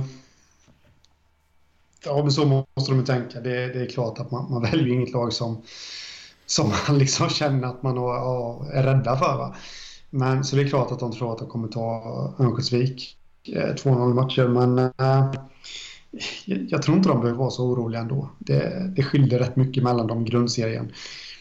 Äh, om jag minns rätt nu ska sägas, men det tror jag att jag gör. Och äh, jag har för mig att Piteå vann någon match rätt komfortabelt därvid. Och, de vet vad de har Örnsköldsvik, de, de, de, de känner dem och Nej, jag, jag, kan inte säga att det är något fel med det valet faktiskt. Jag tror inte Örnsköldsvik har vad som krävs för att kunna störa Piteå. Nej, som ni förstår så är det här den matchserien som vi pratade om innan som den som känns eh, given på förhand eh, Medan de andra är lite mer ovissa så känns det här verkligen som att Piteå ska eh, piska ut Örnsköldsvik med 2-0 i matcher mm. Men samtidigt tittar man ur Örnsköldsviks perspektiv så jag tror inte de är helt missnöjda med att Piteå valde dem. Eh, För alternativet om de inte hade blivit valda av Piteå det hade ju varit att sitta och busskuska förmodligen då ner till eh, Nybro eller något sånt där. Kalling mm. eller Nybro och Det hade ju också varit svårt motstånd och jättelång resa så jag, jag tror inte att man gråter i Örnsköldsvik att Piteå gjorde det här valet heller Nej, absolut inte. Det, det, det tror inte jag heller. Och, eh, eh, jag menar, de, de har ju allt att vinna. Örnsköldsvik nu, det hade de ju haft kanske mot de flesta lagen. Nu laddar du på en sån här skön klyscha. Ja, precis. Jag tänkte det ligger ju lite i, eh, i tiden här nu att göra det med, med alla de här slutspels jakten och playoffjakt och playoffval och alltihopa. Så jag tänkte att jag får väl eh, stämma in i kören då.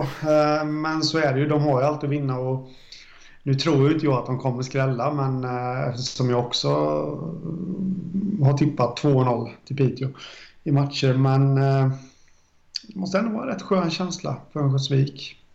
Jag tänker för Örnsköldsvik så här att de sitter som det är nu ju med, de har ju varit jätteduktiga på att vara ute i uh, god tid och signa upp spelare för kommande säsong. Väldigt stora delar av den här truppen sitter redan på kontrakt för nästa säsong och kanske ännu längre. Uh, Det här kan vara en jättebra lärdom för dem att med den här truppen få gå in i ett tufft playoff mot Piteå och liksom känna på hur det är i den riktigt heta uh, playoff-vardagen på något sätt.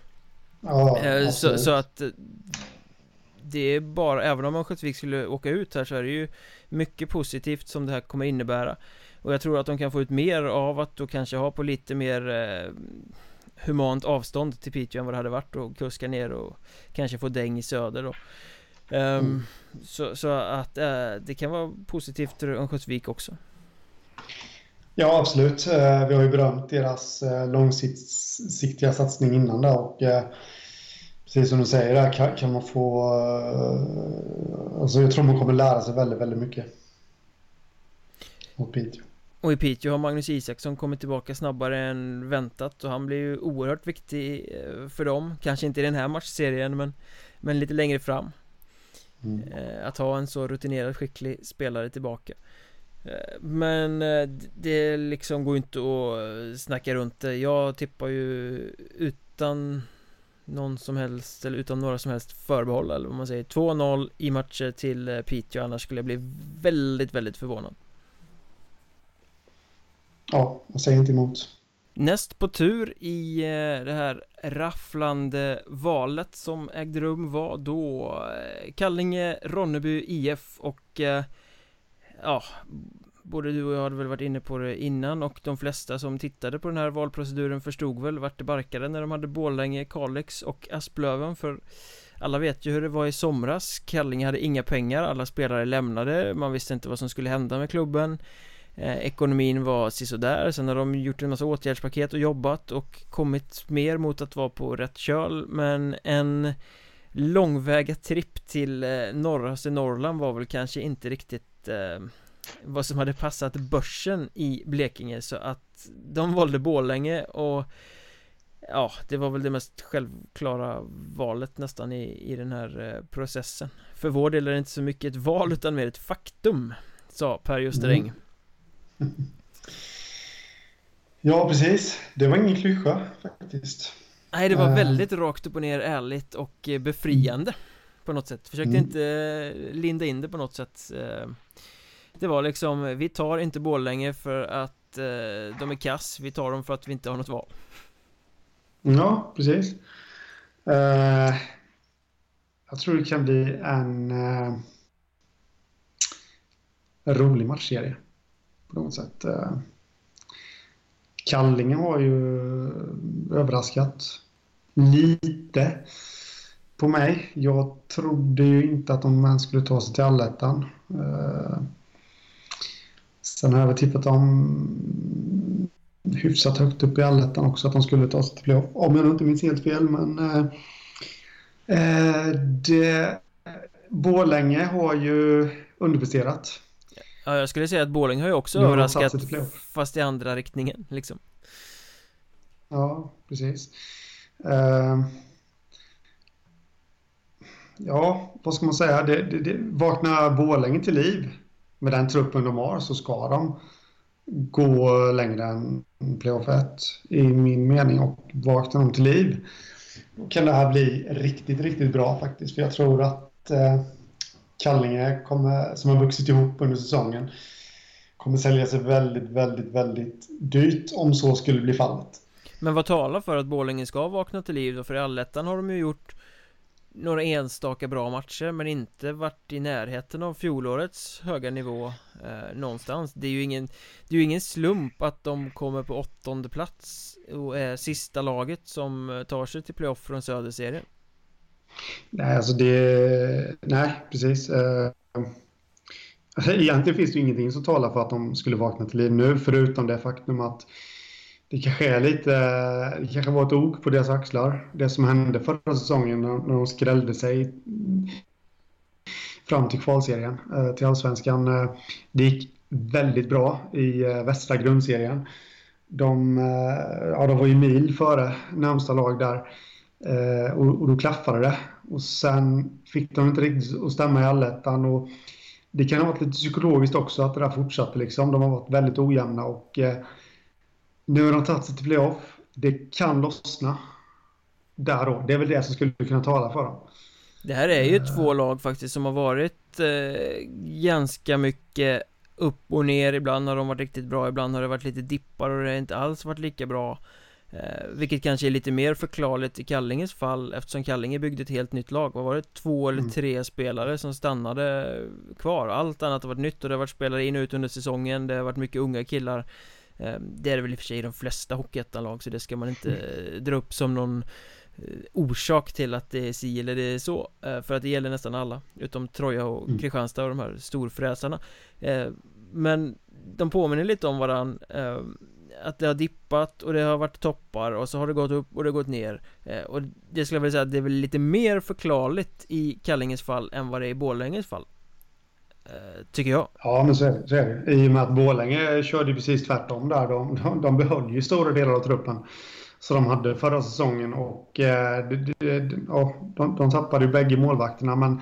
sen tappade de inte så mycket mer, förutom någon spelare. Och eh, det känns inte så. I och för sig gjorde de ett tränarbyte, men jag, jag har bara hört gott om den tränaren. Och han var ju assisterande ja, tränare förra säsongen också så han var ju, är ju också kvar. Och då snackar vi Jeff Jakobs som ju är ute på en mm. eh, extremt spännande tränarresa som han är precis i början av. Eh, Och det är precis som du säger Bara gott om honom eh, Som det snackas. Mm, ja, och, han, och han brinner extremt mycket för uppgiften.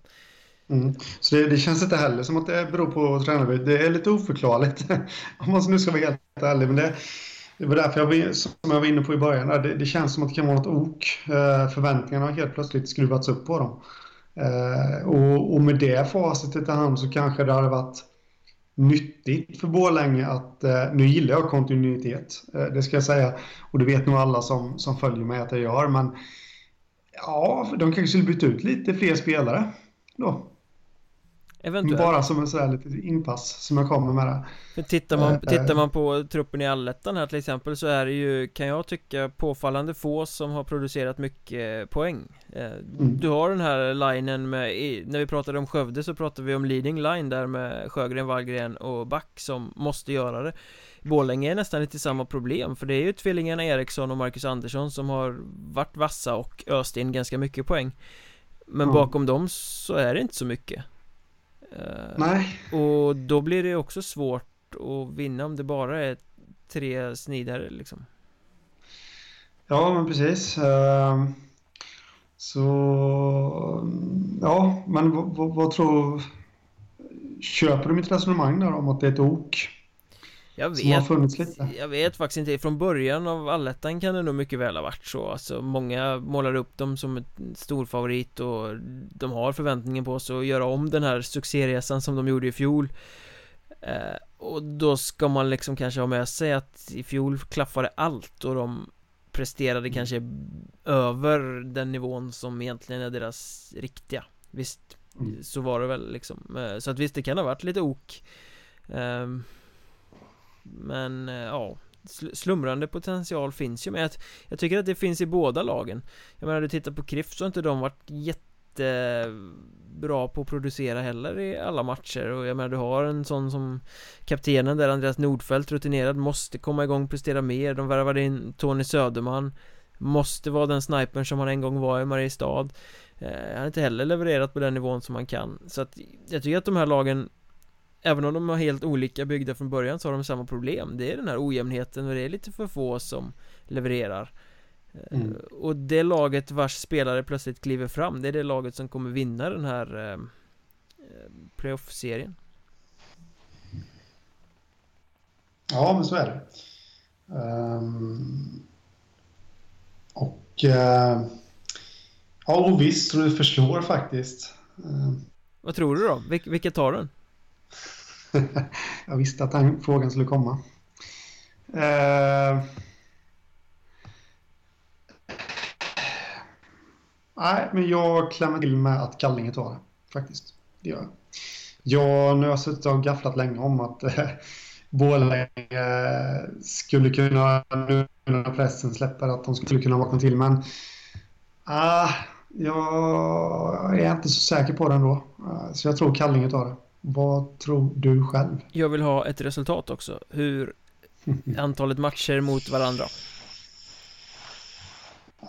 då säger jag 2-1 till uh, Kallinge. då. Lägger jag karbonpapper på ditt tips och så säger jag exakt samma sak för jag tror att Kallinge tar det här med 2-1 i matcher Eh, Och jag tror att eh, tungan på vågen här kommer bli Robin Jensen, målvakten i Kallinge som ju faktiskt har ehm, Steppat upp ganska bra i allettan, får man säga, spelat riktigt bra. Jag, jag tror att han är plusfaktorn som gör att Kallinge tar det med 2-1 i matcher, och går vidare till playoff 2 Mm. I agree och eh, nu ska vi på intet sätt kasta skit på Borlänges målvakter men de har inte riktigt, riktigt klivit fram på samma nivå som eh, Victor Kopman och eh, Oliver Eriksson gjorde förra säsongen. Nu ska vi säga att laget har presterat sämre också.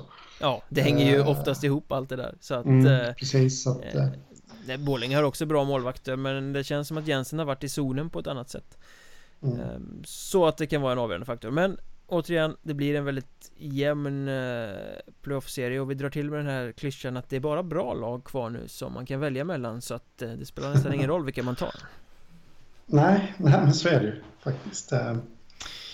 Vilket är kul och spännande. Intressehöjande.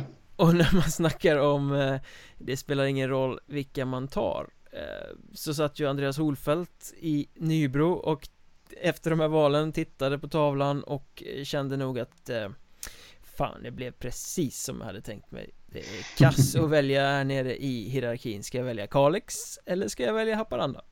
Det var Mm. 140 eller 144 mil bort eller något sånt där eh, Inget kul för Nybro eh, Valet föll på Kalix och eh, det var väl eh, det mest naturliga valet som Nybro kunde göra Ja, ehm, det var det.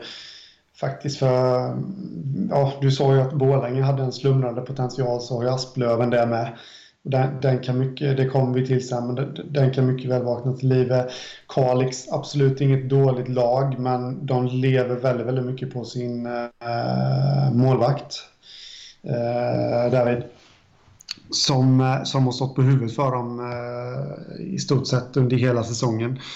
Här vi nu och eh, men jag, jag vet inte om jag hade velat välja något av de två lagen om jag ska vara helt ärlig. Men jag hade ju inte då var väl Kalix det mest naturliga alternativet. Det var ett väldigt långt svar på en fråga som jag egentligen bara hade behövt svara ja på.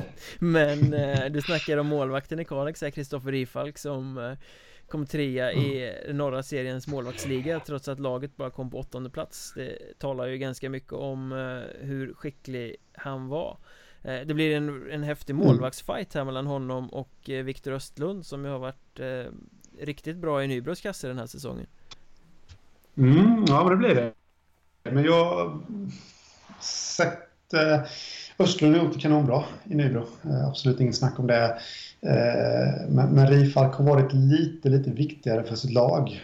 Eh, om alla förstår här vad jag menar. Det är han som har vunnit vissa matcher åt Kalix. Eh, det har Östlund också gjort, men... men Inte åt Kalix? Nej, men åt... du är heter då. Jag tror alla förstår vad jag menar eh, åt Nybro. Men, men kanske till samma, han har inte varit lika utmärkande i just den aspekten som eh, Rifalk har varit i Kalix. Eh, ja. Mm. En, en sak eh, med den här matchserien tycker jag är att den avslöjar en brist i eh, upplägget skulle jag vilja påstå. Det här blir intressant. För det är ju faktiskt så att det sämre rankade laget eh, börja på hemmaplan Sen reser man till eh, det bättre rankade mm. laget som då har två raka bortamatcher eh, Eller två raka hemmamatcher givetvis hemmamatcher. Eh, och i det här fallet blir det ju då så alltså att Nybro ska resa 140-150 mil hur långt nu det är från Nybro till Kalix Man ska resa till bortamatchen, man ska spela matchen, man ska resa hem Eh, det innebär ju att mm. Nybro får två riktiga jävla rövresor här samtidigt som Kalix bara får en eh, Så Nybro kommer ju vara sönderresta när de kommer till bortamatchen, de kommer vara sönderresta när de kommer till sina hemmamatcher Samtidigt som Kalix bara får mm. en, en eh, Så det talar ju för Kalix Skulle jag säga att, att resandet blir väldigt Nybro ska, förutsatt att de inte flyger då för Det vet jag faktiskt inte om de kommer göra. Men jag har svårt att se att Nybro ska ha råd att flyga i Playoff 1 Att hitta biljetter mm. till ett helt lag på så kort varsel som det nu är, tre dagar eller någonting tills matchen ska spelas. Det är troligare att de kommer sitta och åka buss i en halv livstid för att komma till bortamatchen. eh, Hänger ja. du med på det resonemanget? Då blir det ju en mm. svaghet i att det sämre laget får börja hemma Ja, faktiskt mm, jag tycker rent generellt att det upplägget är en svaghet överlag, men inte av den anledningen. Eh, just den aspekten som du säger har jag faktiskt aldrig tänkt på innan och det var ju väldigt smart av dig att lägga fram den synpunkten för att eh, det stämmer ju på något sätt. Det, så är det ju. Nybro får ju två resor eh, på ja, sammanlagt 300 mil om, om inte över det till och med. Eh, Ja, och då ska man ju lägga till den aspekten också att Kalix faktiskt är ett bättre bortalag än vad man är ett hemmalag eh, mm. Det var så i eh, i allettan i alla fall och Kalix är vana att resa mer än vad Nybro är med tanke på vilken serie de har spelat i eh, Så, så det där är ju aspekter som jag tycker talar väldigt mycket för Kalix i den här matchserien. Ja, dels det och eh, väldigt mycket skulle jag säga. Och sen har vi även jag känner att Nybro har mattats av lite på slutet också. Jag vet inte om du håller med men... men ja, de, slog, ju... de slog ju i och för sig Troja och Vim, Vimmerby i de sista omgångarna Men i och för sig det, Troja hade inget att spela för i den matchen Nej, så det kanske man precis. inte ska dra jättestora växlar på Och Vimmerby hade de, eh, alltså det, det är ju två jämna lag eh, Vimmerby och Nybro som, som i min värld på förhand egentligen kan sluta hur som helst men eh, men eh, de har sjunkit lite, lite, lite, alltså ingenting. Nu vill jag inte att någon ska dra för stora växlar av det, självklart. Men, eh, men eh, lite har de sjunkit då. De har presterat lite sämre på andra halvan än vad de gjorde på första. Och, eh, eh jag säger inte att bensinen, ännu en klyscha, att, att bensinen skulle vara slut i Nybro, men eh, eh det känns som att de är lite, lite på nedgång trots de här segrarna mot eh, Troja och Vimmerby. Så Eh, ja, jag vet inte riktigt hur jag ska motivera det. Det är bara en känsla jag har. Eh, de fick stryk av Lindlöven exempelvis i, i tredje omgången från slutet där med 4-0. Det känns som att Nybro skulle vara lite närmare. Fick stryk av Skövde omgången innan där på straffar. Och det vet vi alla att det hade de otur med lotten då. Ja precis, det, det, det är bara lotteri, bara lotteri. sen, sen slog de Kumla Uh, nu snackar jag om andra halvan här med 1-0. Kumla som redan då väl var egentligen avsågade lite där i botten. Uh, torsk mot Mariestad innan det. Uh, torsk mot Kristianstad, det säger jag ingenting om i och för sig i förlängning. Så att, starkt på bortaplan där, men nej, jag tror alla förstår lite vad jag menar. Så såg det inte riktigt ut i inledningen av allettan här, så att jag vill ändå flagga lite för det, även om man inte drar allt för stora växlar av det. Så tycker jag mig se en liten, liten nedgång. En annan sak som kan vara intressant att lyfta med Nybro är ju att Nybro har varit bättre mot kanske bättre motstånd än vad de har varit mot sämre. Eh, mm. Jag vet inte, jag tror inte att något annat lag i allettan hade samma facit som Nybro som faktiskt slog Troja två gånger och tog poäng mot Kristianstad i båda matcherna. Så på fyra matcher mot de två suveränerna så fick de med sig poäng i samtliga. Mm. Det är ju det är imponerande fast å andra sidan så kanske Kalix här då är att betrakta som ett sämre lag Och att de då ska ha svårt för det, jag vet inte. Mm. eh, det, Jag tycker att Kalix och Nybro är två ganska lika lag Ur den aspekten att det är två ganska jämna lag som saknar spetsar. De har några stycken men det är inte särskilt mycket spets i lagen utan det är Två lag som får vara eh, duktiga kollektiv där alla köper sina roller och så får de jobba sig till sina segrar. Det är ju så både Kalix och Nybro eh, fungerar i år Tycker jag. Jo, och, och, och då blir det, det. här blir den, kanske den serien som vi får kalla för blåstället på serien eller, eller något i den stilen. Och något av lagen måste föra matchen. Ja det måste det självklart inte men det brukar oftast bli så. Och, och det känns inte som att något av lagen kommer vinna på det.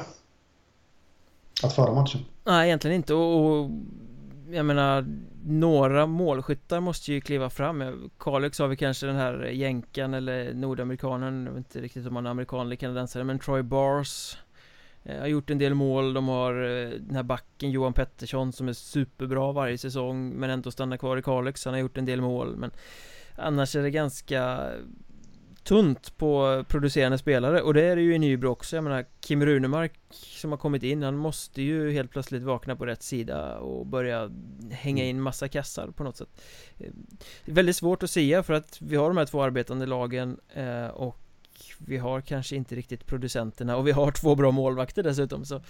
Ja, mm. vet fan alltså Nej Det är nästan som man inte vill ta tag i frågan. Hur kommer det här sluta? Men nu får du den. Hur kommer det här att sluta? uh, nej, men jag, som jag sa det innan, jag är väldigt inne på att uh, ska Kalix vinna den här matchserien så egentligen så är det väldigt mycket som talar emot Nybro. Jag tycker att Kalix har en mer matchvinnarmålvakt än vad Nybro har. Nybro kommer att ha två tunga resor i benen. Samtidigt så ser jag Nybro ändå som det starkare laget. Jag, jag har sett dem spela väldigt mycket i år och eh, de har allt som oftast i alla fall de första tre fjärdedelarna av eh, säsongen, grundserie, eller ja, seriespelet, och hittat vägar att vinna. Eh, jag var inne på att de kände som att de var lite, lite på nedgång, men Eh, det behöver inte vara så allvarligt heller. Så till alla Nybro-supportrar stora besvikelse så säger jag att Nybro kommer vinna den här eh, matchserien med 2-1 matcher och det kommer att avgöras på sudden death i två av tre matcher.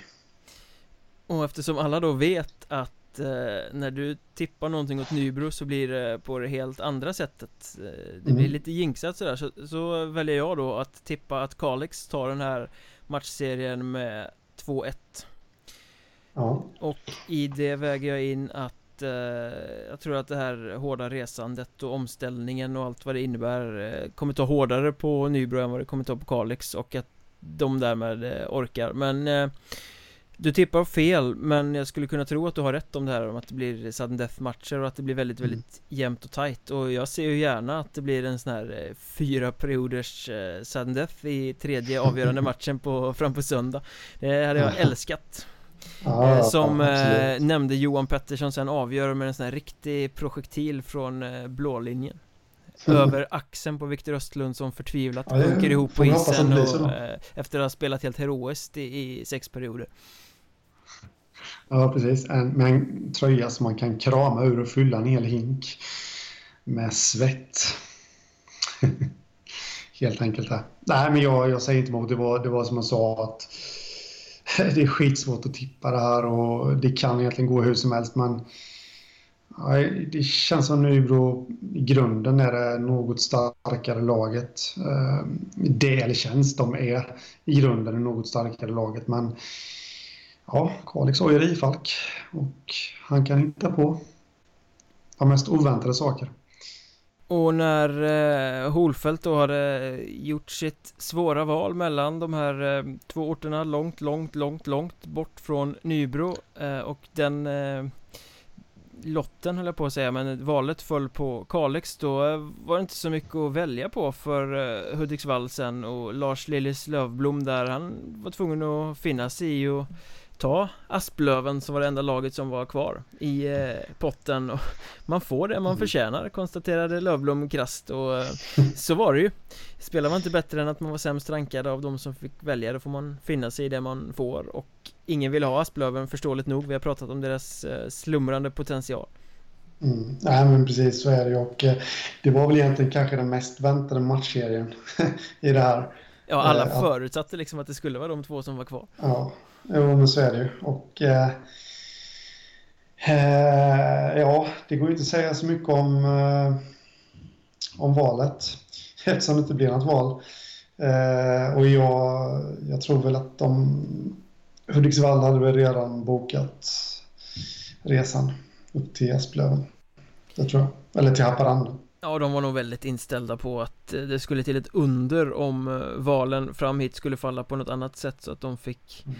en kortare resväg och ett enklare motstånd och eh, det här blir väl Ska vi vara klyschiga så ska vi väl kalla det här för den stora Finlandsuppgörelsen för det här är ju två lag med finsk spetskompetens. Ja, så är det och eh här det kommer bli, det, det känns som att det är två, vad ska man säga? Jag hittar inte riktigt orden, men det, det känns som att det är två lag med höga toppar och djupa dalar. Även de lite ojämna. Vi har varit inne på Hudiksvall innan att de varit ojämna och Asplöven också lite ojämna och eh, eh, lite att de här producerande spelarna då, eller de bättre spelarna i laget då, eh, finnarna, att de har vaknat på rätt sida. Nu tror jag i och för sig att de... Ursäkta mig. Nu tror jag i och för sig att de kommer göra det i ett eh, playoff. Jag tror det här kan bli en rätt bra matchserie faktiskt. Det har ju varit tajta matcher i eh, allettan eh, Sista omgången nu för bara några dagar sedan så vann ju Asplöven hemma med 5-4 efter straffar eh, Mot mm. Hudiksvall och i början av allettan så tror, jo Asplöven vann även i Hudiksvall det mötet 3-1 blev det då, de satte avgörande där i tom kasse i slutet.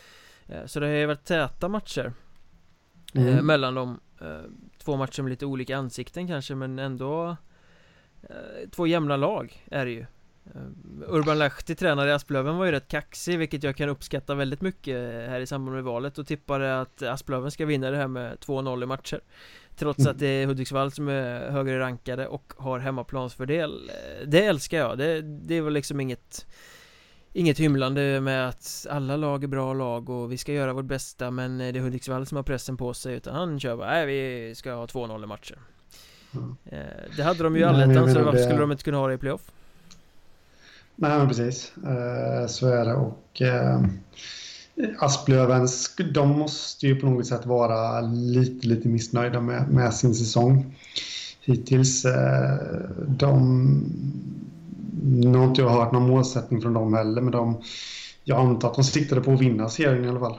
Och gå till finalen. Ja, de vill väl raka vägen upp i Allsvenskan igen. Deras, ja. deras allettan ja, har varit bedrövlig. Alltså bara en sån sak som att, att äh, Asplöven är inblandade i kampen om att missa playoff i sista omgången mm. är ju liksom äh, Det fanns ju inte på deras karta. Men det har varit som vi har sagt flera gånger under säsongen att det här är ett lag som är bra när finnarna har vaknat på rätt sida och det är ett lag som är alldeles uruselt när de inte är på humör eh, Och ja, så, så har det ju verkligen varit alltså, Jag har sett många matcher på bortaplan Även en del på hemma där det liksom har varit så genomuselt försvarsspel och ointresse.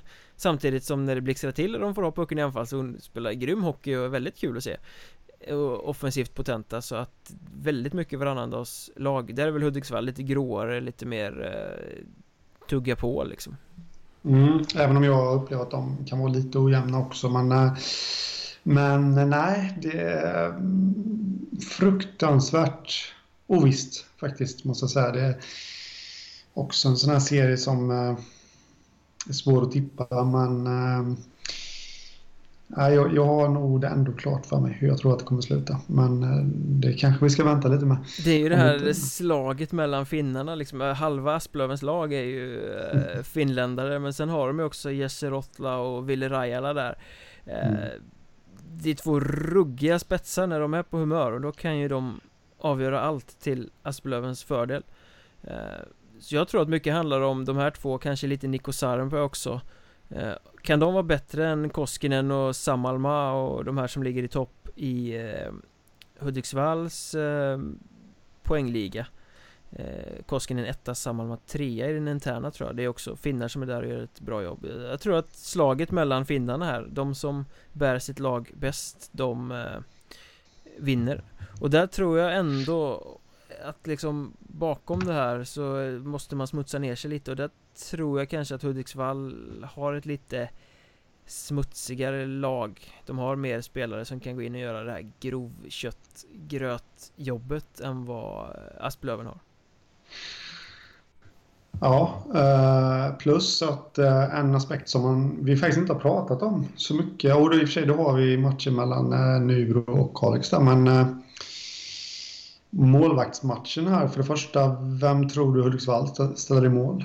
Simon Nord och Anton Hedberg har ju liksom delat jag har, nu, eh, jag har ändå känslan att ja. Eh, Lövblom har lite större förtroende för Hedberg där än eh, mm. vad han har för Nord Så jag skulle tro att det är han som i alla fall får börja som får det första förtroendet mm. Det tror jag med kan jag säga. Och eh, om det nu blir Nord då ställs han mot Jesper Eriksson som gör sin första seniorsäsong härvid. Eh, ja, jag tror han har 90% prick i målvaktsstatistiken. Inte jätteimponerande. Nu har Asplöven varit lite ojämna, lite si och så. Det sa vi innan också att man är beroende av ett bra lag som målvakt. Men eh, det, det, känns som att Hudiksvall har lite mer rutin på målvaktssidan. Det ska man inte underskatta. Eh, Nord har ju varit, eh, ja vad ska man säga, inblandad i... Han har lite mer rutin, vad han nu kan vara, 27-28 någonting. det spelar ju såklart in också. Snackar du målvaktssidan i Asplöven så kan jag väl känna att både Jesper Eriksson och eh, Silverfält Öman som den andra keepern heter där De har blandat och gett väldigt, väldigt mycket. Eh, gjort briljanta räddningar blandat med tafatta konstiga ingripanden, billiga puckar. Nu är det ju som du säger, målvaktsspel hänger väldigt mycket ihop med försvarsspel och Asplöven har bitvis haft riktigt undermåligt eh, försvarsspel men det är, samtidigt så är det här inte två målvakter som eh, bär ett lag långt en säsong. De är inte där än i sin utveckling, de är unga båda två. De blandar och ger alldeles för mycket. Eh, så att jag menar, inget lag av de här har någon briljant målvaktssida Men jag sätter ett större frågetecken för målvakterna i eh, Asplöven Oavsett vem Hudiksvall väljer att ställa i sin kasse. Mm. Nej men det, det, det, känns som att eh, du har rätt där. Som vanligt. Det, jag skulle också säga att eh, att Hudiksvall har något starkare målvaktssida eh, på så sätt, även om det då är utespelarna som ska göra det också. Så i sådana här matcher spelar ändå målvakterna väldigt stor roll. Och utifrån det resonemanget som vi har fört då så eh, det känns ju som att vi på något sätt lutar mot att eh, Urban Lahti är en skön jävel som tror på sitt lag Men att han kanske inte är helt rätt ute i sitt tips att Asplöven ska ta det med 2-0 i matcher uh, 2-0 tror jag inte att det blir. Uh, Men om jag ska tippa först så det är också en väldigt, väldigt svår serie. Alltså man...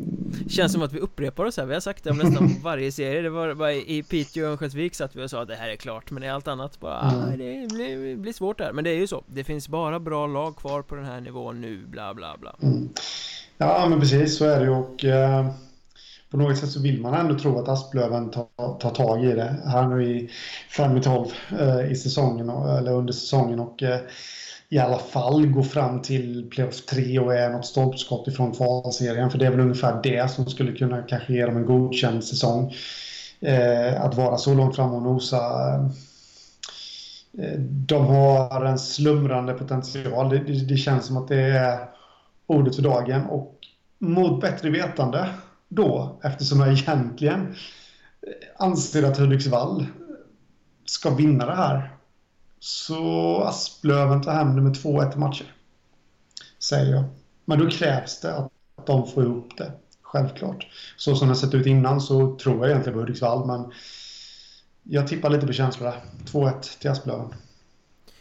Då kastar jag in eh, superbacken Marcus Westile, ditt eh, roliga Göteborgsskämt i leken också och, och, säger att han kan faktiskt bli eh, tillsammans med de här andra finnarna som jag räknade upp förut tungan på vågen för ett Hudiksvall som eh, gör som sin tränare säger. För tränare Lövblom sa att det här kommer bli tre fighter och eh, det tror jag också att det blir. Men jag tror faktiskt att Hudiksvall eh, tar det här med eh, 2-1 de åker upp och vinner i Haparanda för Asplöven har varit rätt bedrövliga på hemmaplan i allettan och eh, sen ska de bara åka hem och eh, stänga igen det men eh, chokar fullständigt och får ganska ordentligt med spö av Asplöven 1-1 och sen blir det söndag det blir jämnt men eh, Hudiksvall vill det här lite mer än vad eh, finnarna i Asplöven vill. De vill hellre åka hem och ha sommarlov så att eh, 2-1 matcher till Hudiksvall. Ja,